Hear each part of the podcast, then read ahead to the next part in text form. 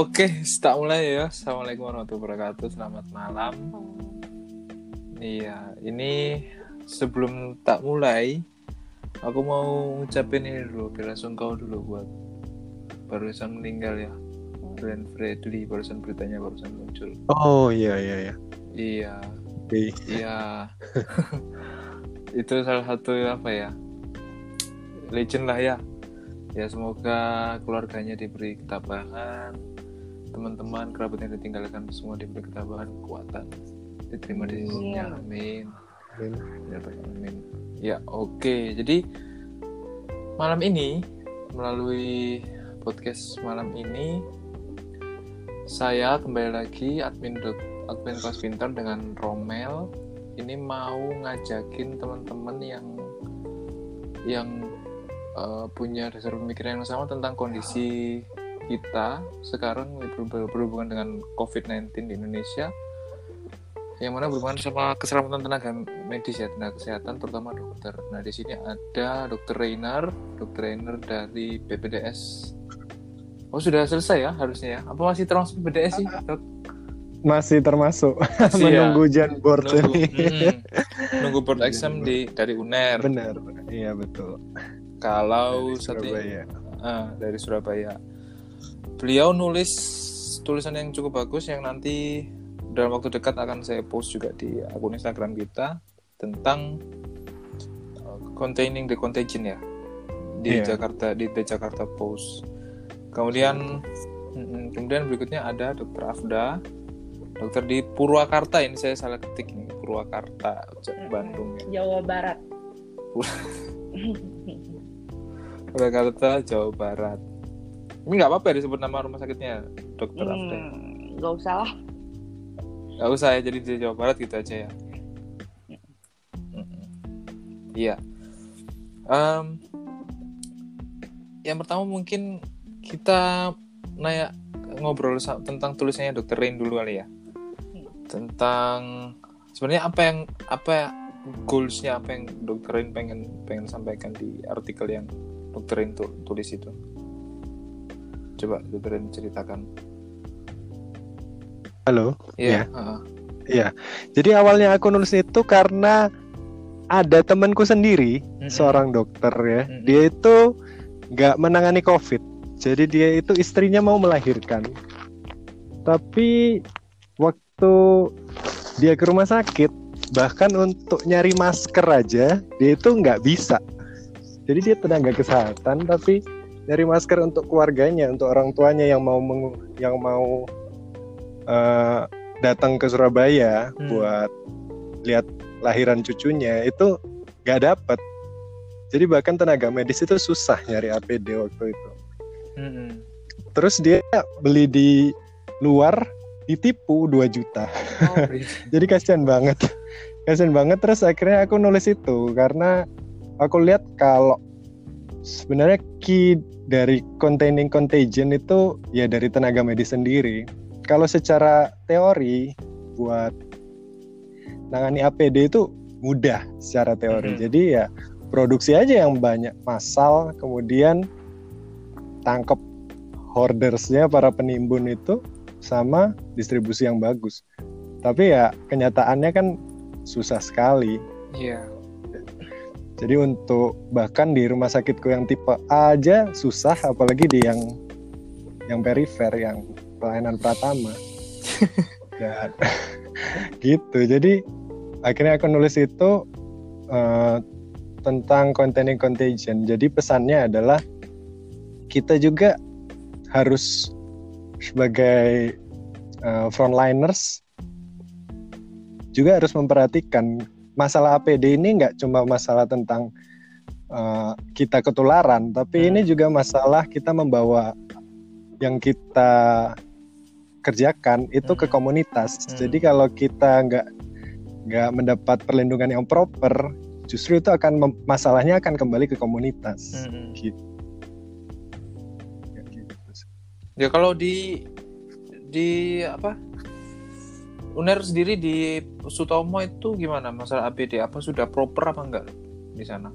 Sutomo ya alhamdulillah ya ada cukup ada tapi dibatasi kan. Jadi kita nggak seenaknya lagi misalnya masker tinggal ambil tinggal ambil tapi dibatasi khusus tim jaga sama tapi yang biasanya PPDS kan rame tuh di GD itu pakai uh, hazmat semua nggak tuh?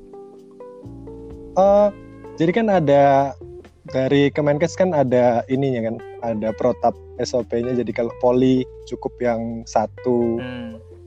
yang kalau misalnya udah ada pasien COVID ya masuk tiga hmm. tapi kalau di GD ya kita cuma pakai nggak sampai hazmat gitu enggak hmm, cuma ya. masker face shield cap hanskun gitu kalau dokter Afda di sana di rumah sakit swasta kan ya mm-hmm, di swasta. sana gimana swasta yang cukup terkenal nih nah itu gimana nih ekspektasinya kan tinggi tuh iya jadi mm, rumah sakit aku itu memang rumah sakit yang punya nama, punya banyak cabangnya ada di mana-mana juga. Jadi memang rata-rata uh, pasien-pasien dari kalau di sini kita nyebutnya Purwasuka, Purwakarta, Subang, Karawang. Itu hmm. rata-rata uh, apa merujuknya ke kita karena hmm. satu kita rumah sakit swasta dan uh, dokter spesialisnya pun ada beberapa subspesialis dan uh, menurut aku sih kalau di Purwastuka tuh uh, lumayan lengkap lah gitu. Hmm. Nah, BPJS-nya uh, nih, BPJS-nya nih. Iya, 90 persen BPJS. Okay. Uh, terus memang IGD-nya tuh rame banget, nggak kalah hmm. kok sama RSUD yang di sini gitu. Hmm. Rame banget. Uh, terus jadi kalau di tempatku uh, karena ada COVID-19 ini hmm. dibikin suatu tim. Jadi ada tim khusus, uh, tim dokter umum, hmm. ada tim khusus perawat juga. Hmm. Itu khusus untuk menangani uh, pasien-pasien dengan ODP, PDP atau yang konfirm uh, corona gitu. Hmm. Nah, kalau mereka itu APD-nya lengkap banget. Pakai hazmat mm-hmm. ya eh, satu shift eh, satu shift gitu kan. Pakai hazmat lengkap nggak boleh dilepas. Terus ada ruangan khususnya juga. Mm-hmm. nah kita kebetulan saya eh, sebagai dokter jaga bangsal kalau saya sih dapat lengkap juga sih kayak hmm, dapat Google terus headcap terus pakai gaun gitu. Sama shoe cover juga udah dapet. Jadi memang uh, kayaknya udah tingkat dua sih yang apa pemakaian APD-nya itu. Hmm. gitu. Kemarin sih awal-awal tuh masih pakai uh, masih pakai jas hujan karena memang bener-bener susah banget nyari hazmatnya juga gitu uh, terus gaun OT uh, gaun uh, operasinya juga kan masih banyak gitu ya operasi. Jadi memang terbatas. Tapi karena sekarang semakin banyak PDP dan ODP di tempatku jadi ya uh, kita sudah diberikan pakai gaun sekarang gitu. Udah nggak ada lagi yang pakai jas hujan. Iya. Aku sih aku sih masih belum sih ya. Masih di tempatku masih belum sih ya di tempatku udah, udah. harapannya nih besok udah mulai tapi pakai semacam apa ya apron tapi lengan panjang apa ya gimana hmm. apron tapi lengan panjang dari plastik nanti dilapis lapis lapis lagi gitu kalau oh gitu. Bisa. Karena panas uh, panas banget itu. iya itu panas. banget pakai kayak gitu. Terus banget. terus kita bikin apa itu? Poli khusus batu pilek di depan itu gitu. Itu iya kalau saya namanya poli posko pemantauan. Jadi hmm. kalau di saya itu screeningnya ada dua lapis. Screening hmm. yang pertama itu uh, kan uh, apa ada berapa tempat masuk? Ada tiga. Tempat masuk lorong BPJS tempat masuk hmm. lobby utama sama tempat masuk IGD nah hmm. uh, lobby utama uh, jadi kalau malam sekitar jam 9 atau jam 10 malam itu semua ditutup pintunya. Jadi akses hanya dari IGD gitu. Nah kalau misalnya pagi karena ada poli kan uh, pagi sampai sore karena ada poli jadi kita udah bikin posko gitu dan di situ screening udah ada formulirnya memang. Hmm. Jadi kalau misalnya pasien dengan ili terus pasien dengan uh, habis uh, berangkat dari uh, apa habis pulang dari yang wilayah terjangkit kurang dari 14 hari itu tidak boleh memasuki rumah sakit. Jadi masuknya ke posko pemantauan. Nanti di posko pemantauan dikaji lagi sama dokternya, sama dokter umumnya, apakah ini termasuk PDP, ODP atau konfirm uh, nah COVID-19 iya. gitu. Jadi memang yang masuk ke rumah sakit aku itu uh, bukan yang ODP PDP gitu karena kalau ODP dan PDP kita punya ruangan khusus jadi bukan di dalam rumah sakit hmm. baru bangun atau bangunan sudah jadi yang di dialokasikan untuk masih bangunan darurat sih hmm. tapi itu uh, menurutku sih udah cukup ya di wilayah aku di tempat yang kabupaten ini gitu hmm. kabupaten di Jawa Barat tuh udah cukup baik sih jadi uh, disaringnya juga sudah dua kali Nah, dokter Rain kemarin waktu saya lihat di tulisannya kan mulai ada apa perubahan penanganan yang patient center jadi community community center ya community center. Iya. Itu gimana coba jelasin kira-kira? Uh, sebenarnya sih kita bersyukur ya kalau di Indonesia itu memang sudah siap kebanyakan community center hmm. karena kita contohnya paling sederhana posyandu hmm. itu nggak ada di tempat lain. ya di, di, di kan Amerika kan kita itu satu banding seribu nggak sih dokter itu di ya uh, kalau di ID sebenarnya uh, rasio dokter pasien di Indonesia itu cukup tapi penyebarannya nggak merata jadi kalau di Eropa, Amerika, mereka semua patient center. Jadi kalau ada pasien apa, mereka turunnya itu satu tim khusus. Mereka jarang community medicine. Tapi kalau di Asia Tenggara itu lebih cocok community center banyak programnya gitu. Jadi kalau itu sementara sudah kita, sudah kita jalankan sebenarnya. Ya. Kalau di kota besar itu masih ada yang apalagi rumah sakit swasta ya. Hmm. Mereka lebih ke arah Eropa Amerika karena mereka uh, ya bisa dibilang ada timbal baliknya kan. Hmm. Ada komersilnya juga, ada nilai komersilnya juga. Hmm. Gitu. Nah, permasalahan APD atau kalau misalnya ini ya IPPI ya, uh, uh-huh. itu ternyata di nggak cuma di Indonesia tapi di dunia juga. Kan? iya betul, betul.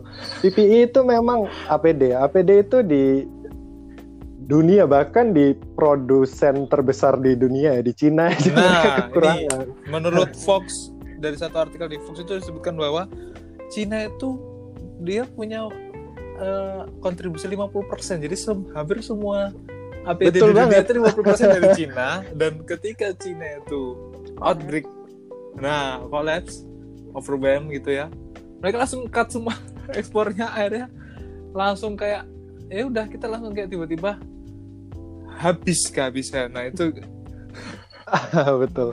Ya kan? Ya memang betul.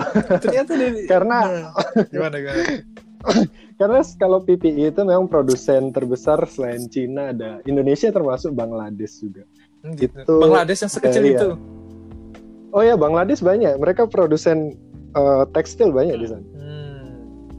Terus uh, kalau uh, OneMed ya ini khusus OneMed ya aku bicara OneMed ya. OneMed kan dari Surabaya ya. Hmm. Dan aku kenal sama direkturnya. Jadi Pak Thomas itu dia cerita memang barang-barangnya itu kebanyakan datang dari Cina dimerkin di sini terus udah didistribusi. Mm-hmm. Jadi kalau misalnya Jadi kita nggak bisa berharap namanya barang Cina itu mereknya Shang Shang Shang gitu nggak bisa. Iya, ya, betul. Rebranding di sini, rebrandingnya. Iya, di, betul. Akhirnya dicap lagi di sini. Hmm. Nah, kalau yang dari Indonesia ada beberapa merek ya, aku nggak hafal. Tapi ada juga yang produsennya sini. Yang itu yang kemarin kan sempat rame kan dari yang dibilang kok yang sampai di sini merek made in Indonesia yang didatangkan dari iya, si Ganjar Cina, Pranowo kan? bilang. Betul ya, sekali ya. ya Pak Ganjar betul. Hmm. Jadi itu memang mereka yang punya hak merek dagangnya sama ada beberapa yang uh, bahannya dari sana. Cuma karena tenaga kerja Indonesia kan murah ya. Hmm. Jadi mereka merangkai di sini akhirnya dikirim ke sana, sana kemudian ya. dikirim lagi ke sini. Iya iya. Jadi sebenarnya uh, paten sama artinya apa ya innovationnya ya apa itu semua di sebenarnya dari Eh, mereka dari mereka Iya, gitu merek kan. merek dagangnya Heeh. banyak banyak seperti itu nggak cuma APD ya kalau misalnya kita bicara industri lain ban contohnya ya karet Iya. mau dicap Bridge Bridgestone di sana atau Toyo itu kan di sana kan nggak ada pohon karet ya cuma di Indonesia ada pohon karet. terus be- terus ap- apa UMR-nya UMR-nya kita kan Iya betul. setinggi tingginya UMR di Indonesia itu lebih murah daripada UMR di New York misalnya atau di Minnesota Ya, betul. misalnya Betul. Ya, kebanyakan kan mereka bicara tentang quality control. Sampai di Hmm. sana mereka buat quality control, tapi sebenarnya alasan utamanya karena upah tenaga kerja kita itu sangat Ya. murah. betul betul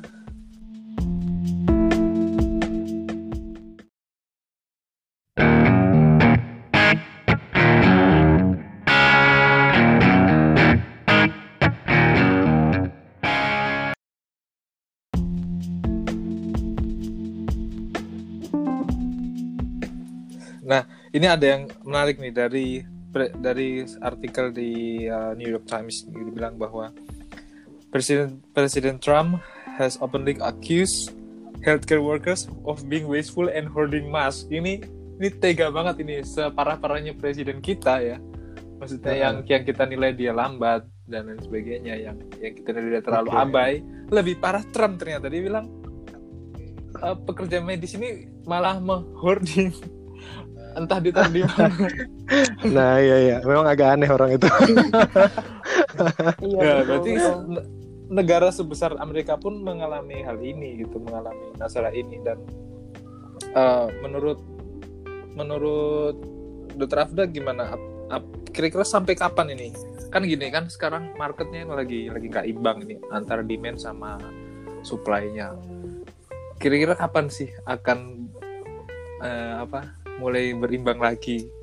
Dan ini kan berhubungan sama artikelnya Dr. Rainer kan artinya pelindungan itu kita harus punya kalau enggak ya kalau misalnya kita semua collapse rasionya akan makin lebar Iya. makin betul, makin betul banget, jauh betul banget.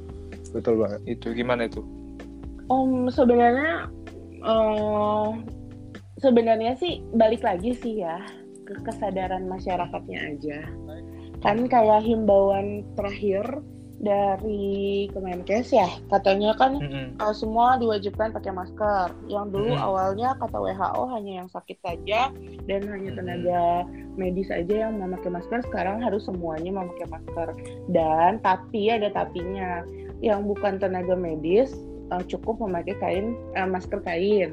Yang Hmm. tenaga medis garda terdepan, eh, garda terdepan tuh kayak TNI, Polri gitu kan sama kita sama perawat, dokter, dan spesialis itu ya memakai masker bedah karena kan memang fungsinya juga beda, kebutuhannya juga memang beda gitu. Tapi kalau misalnya masyarakatnya sendiri susah untuk sadarnya karena aku nih pulang pergi rumah sakit rumah rumah sakit rumah masih banyak kok aku melihat kalau orang-orang awam em, pada pakai masker bedah gitu loh kan sekarang yang amat sangat langka ini kan masker ya di Indonesia kan Iya. yang paling susah banget sampai harganya nggak masuk akal. Ini kan masker. Eh, dan masih banyak gitu. Maksudnya aku bener-bener ya ampun kok tega sih? gitu. Kan kalian hanya mem- eh, memakai masker kain pun juga cukup disertai dengan rajin cuci tangan dan PHBS kan. Mm-mm. kalau ter- jadi kalau misalnya nanya sampai kapan ya tergantung sadar masyarakatnya tuh kapan. Kalau menurutku ya pendapatku. Jadi maksudnya kalau kalau gitu berarti kita beranggapan bahwa suplainya tetap nih. Suplainya misalnya sebulan berapa juta kayaknya ya tetap segitu-segitu aja ya. Memang iya kita nggak bisa betul. berharap banyak ya. Karena gini betul. kalau ini terjadi terus menerus nih ya, ini ada satu artikel lagi dari Fox mengatakan bahwa some hospitals are even considering do not resuscitate orders for dying COVID-19 patients. Jadi sampai segitunya di US itu. Jadi iya beberapa penyebab itu bahkan bilang kalau misalnya kalau misalnya kita kayak Tidak gini terus punya. udah presidennya kayak gitu, maka kalau ada pasien dengan COVID-19 udah nggak usah diresusitasi. iya betul Gimana dokter Ren? Kalau Indonesia akan sampai di tahap itu nggak? Misalnya nih karena kita nggak ada APD lagi, ya kita nggak bisa APD terus akhirnya gini. Terus kita mau apain gitu loh? Mau kita apain? Iya. itu ketakutan yang paling ditakuti. Iya. Bahkan kita untuk menolong orang akan terhambat. Nah. betul. Itu itu haram nggak sih maksudnya kalau kita sudah disumpah gitu tapi kita nggak bisa nolong karena kita juga akan terinfeksi kayak gitu gimana? Ya itu itu pembahasannya sangat-sangat amat menarik. Jadi ya kalau kita proteksi ke frontliners itu protecting community juga. Tapi kalau Hmm. seandainya dalam skenario yang sangat buruk kita bahkan APD pun nggak ada. Mm-mm. Jadi ya eh, kalau untuk pasien yang jelek banget ya itu pilihan yang sulit bagi bagi Iya. tenaga kesehatan ya. Jadi itu sangat mungkin terjadi kan kita kita nggak bisa. Betul. Ya, kalau skenario terburuk sih mungkin ya kita masih punya eh, vari, eh, ini ya kita bisa modifikasi ya. Contohnya kalau misalnya nggak ada hazmat kita pakai jas hujan, nggak ada masker kita pakai masker kain yang berlapis-lapis dan pakai Hmm. Google kan kita bisa pakai yang lain. Iya. Skenario terburuknya itu. Tapi kalau misalnya ya seandainya nggak cuma masalah PD, misalnya masalah masalah alat ventilator. Ventilator.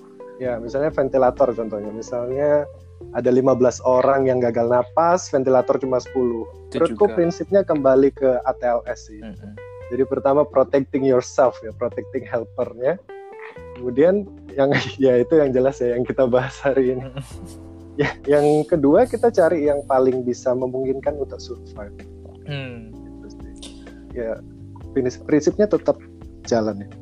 Ter- terus gini kan di saat di artikel di Outerrain juga disebutkan bahwa yang masalah surgery ya maksudnya dokter yang Hmm, ini oke, kan ya, kal- ya, kita kita nggak nggak cuma ngurusin covid gitu loh kita Ah betul betul. nah itu itu Betul, gimana? Betul. kalau kalau di di sebagai seorang PPDS ya maksudnya melihat kondisinya di gimana manajemen di sana? Eh, kan tadi yang kalau di IGD yang tadi sudah secara langsung digambarkan sama dokter Afda yang di rumah sakit beliau nah kalau di di rumah sakit tipe A nih yang benar-benar rujukan provinsi kemudian sebagai PPDS dan ngelihat manajemennya di sana apa apa gimana coba dijelasin?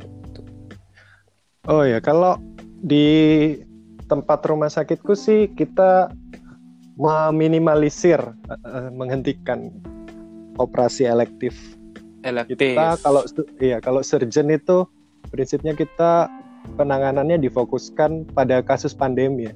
Pada kasus COVID ini kita dikhususkan hanya untuk major trauma dan emergency case. Mhm. Kalau untuk elektif kita stop. Poli tetap ada, Mhm. tapi diba- eh, tentu dengan APD yang berbeda ya dari sebelumnya. Berarti exposure eh, kan ini kan pendidikan ya dok ya. Berarti exposure ke pasien juga berkurang. Apakah itu memundurkan Oh sangat sangat turun. mem- memundurkan gitu, atau memperpanjang waktu studi? Kan kalau di Hmm, kan sudah iya. enak kan, sudah tinggal board exam aja. Tapi yang di Kalau bawahnya- aku justru karena board examnya jatuh bulan April Juni ini, Oh iya iya. jadi aku mundur. Jadi yang paling berpengaruh sebenarnya aku sih. iya. Sudah Kalau bawahku mereka kan tinggal jalannya aja. sudah kumpul-kumpul jauh. tidak aku mau lulus. Betul aku sekali. lulus. Udah untuk-untuk mau mau tinggal mau ujian. Akhirnya eh, MKKI kan ada ngirim surat untuk penundaan semua kegiatan ujian. Hmm. Sampai batas waktu yang tidak ditentukan itu sampai sampai di ada pemberitahuan kembali. Nah itulah jadi nggak tahu. Saya dengar, eh, saya kan punya teman juga dia dari Me- dari Medan Aceh. Dia dia juga eh, dia teman dia cerita katanya di beberapa beberapa apa apa semua ya, pokoknya PPDS di USU itu di Medan itu jadi banyak libur gitu loh di on off on off gitu. Jadi kayak sehari jaga sehari enggak, sehari jaga sehari enggak. Ya itu lebih enak dari koas gitu. Apa di UNER kayak gitu? Oh iya, jadi ditetapkan sistem on off ya. Jadi Hmm. eh, kebetulan kalau yang ngatur juga kan selain departemen chief resident kan bagian dari ngurusi jadwalnya adik-adiknya ya. Itu ditetap Hmm. kalau di eh, daerah beda itu ada sistem on off-nya. Mereka pertama ada kita kan beda ya sama medik. Jadi ada poli, ada ruang operasi sama IGD. Kalau medik kan nggak ada ruang operasi. Mm-mm. Semuanya dibatasi. Jadi nggak harus divisi tertentu yang menangani pasiennya. Misalnya ada yang masuk divisi pediatri, dia bedah anak misalnya, dia nggak nggak harus di situ. Yang penting ada orang gitu aja. Hmm. Kalau di Trafda gimana? Kalau sampai ke hal-hal teknis yang seperti itu, jadi kayak menggang, gimana caranya kita para dokter itu nggak kelelahan itu loh. Lah, kalau di PPDS kan tadi itu sudah dijelasin. Nah, kalau di rumah sakit yang cukup terkenal ini, yang di Purwakarta ini, sama di Trafda ini gimana? Apakah sampai ke situ juga? Eh, untuk masalah pembatasan apa maksudnya perpendekan jam kerja atau makin panjang gitu ya. Mm-mm. Ka- Nah, jadi kan kalau di tempat aku tuh eh, kan pasien tuh berkurang banget. Biasanya pasien itu pasien ruang rawat inap aja biasanya 220. Ush. Itu udah sama Perina dan bayi sih 220 itu. Eh, nah, terus kalau IGD biasanya satu shift itu pasien bisa 80 sampai 100. Mm-mm. Kalau sekarang karena benar-benar berkurang hampir setengahnya. Jadi hmm, apa banyak yang diliburkan. Jadi bukan diliburkan sih, maksudnya biasanya kan ada lemburan kayak gitu, gitu iya. kan perawat dan perawatnya. Mm-mm. Kalau kalau sekarang tuh udah nggak ada. Jadi bener-bener shiftnya tuh ya cuman satu shift satu shift aja. Karena Iya. kalau di saya itu eh, perawat dibagi tiga shift, tapi kalau dokter umumnya hanya dua shift dibagi. Hmm, 12 jam 12 jam ya. Karena eh, eh, dari jam eh, apa delap- 15 15 8 eh 15 7 eh 15 berapa 15 9 ya 15 9. Yang panjang yang malam ya, yang ada malamnya. Ya, tuh, yang betul. panjang. betul yang Karena panjang bisa yang tidur kalau malamnya. nggak ada pasien kan. Jadi memang gitu ya. Jadi sayangnya sayangnya itu susah banget ya Oh, susah ya?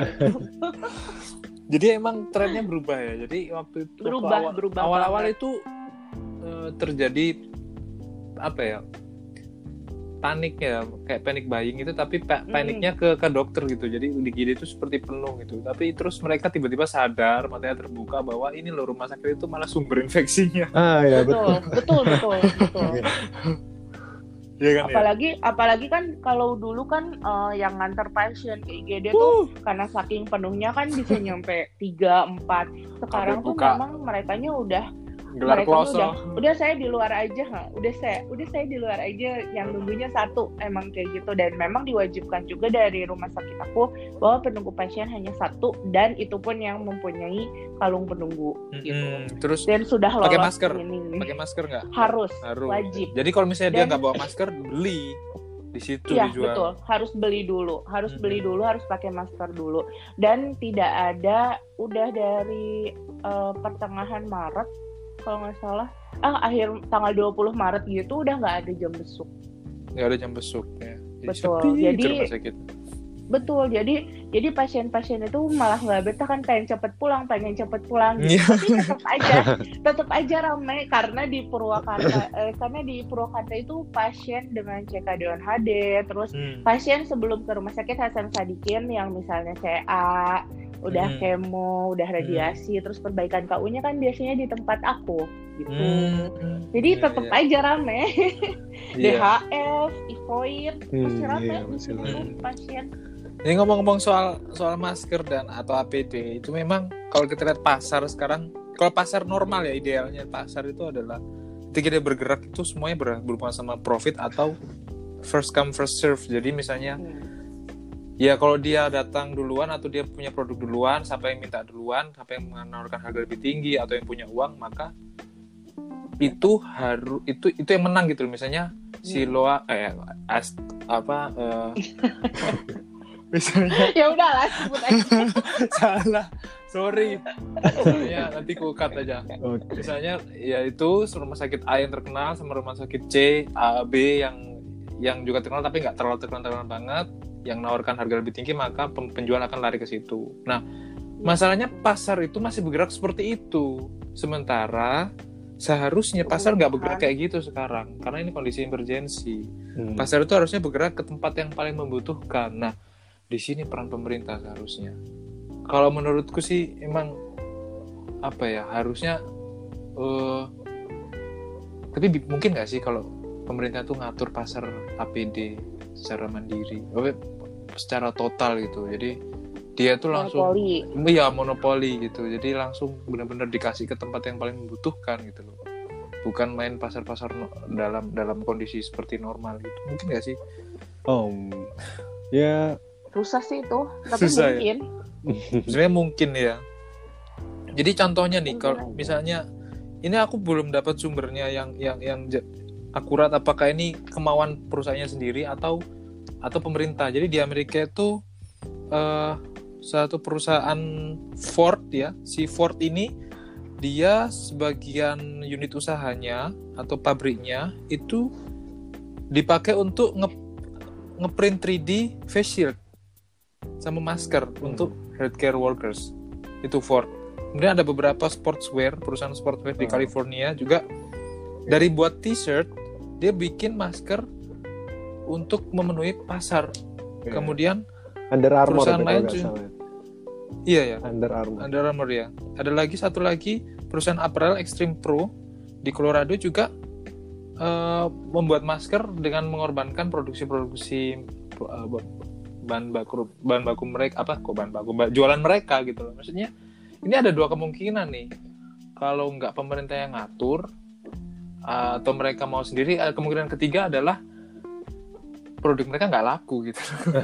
kemudian Iya, mereka betul, jual betul. melihat peluang ini kemudian mereka jual oke lah kita switch dulu jualan ini karena ini yang lagi dibutuhkan pasar nah ini nih ini apa sudah mulai jalan nih di Indonesia kira-kira kira-kira dan apakah bisa Hmm. diinisiasi dalam waktu dekat Apa ya? Tapi memang sekarang tuh rata-rata kayak yang perusahaan-perusahaan besar itu udah pada bikin hand sanitizer ya. oh iya Iya, kayak Mustika Ratu, oh iya iya ya benar-benar Lifebuoy. Kemarin aku dapat sumbangan, rumah sakit aku dapat sumbangan Hmm. eh, dapat hand sanitizer untuk tenaga medisnya itu dari Lifebuoy. Hmm. berarti memang harusnya sudah jalan tinggal pemerintah aja ngaturnya ya Betul. bahwa Pemerintah ngatur dan mau nggak diatur. mau nggak diatur